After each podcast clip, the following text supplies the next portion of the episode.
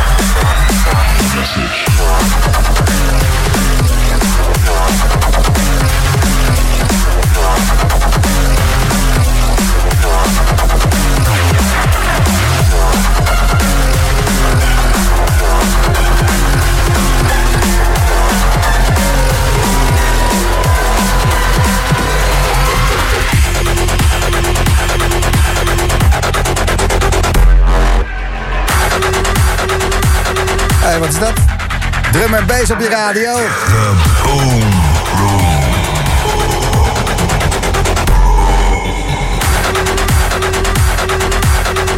Je luistert Slam, Black Sun Empire.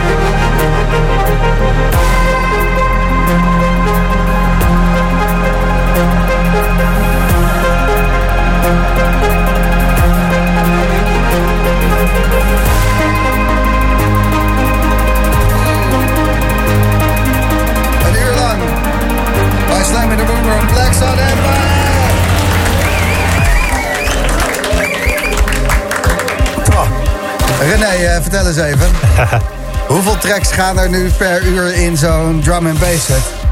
Eh, ja, het tempo ligt best wel hoog. Eh, meestal draai je zeg maar anderhalve minuut van een track. Dus, eh, en soms draai je ook nog nummers op elkaar. Ja, eh, het gaat best wel snel. En, en Milan, waarom is dat? Waarom eh, zijn er geen drum bass platen die langer dan twee minuten leuk zijn? Ja, die zijn zeker langer dan twee minuten leuk. Heel flauw. Ja. Nee, maar het is, het, het is niet normaal het, het tempo waarin wordt gemixt. Dat, eh, dat zie je echt niet vaak gewoon. Dat is echt een drum and bass ding. Eh, ja, ik denk het wel. Ehm, waarom is dat?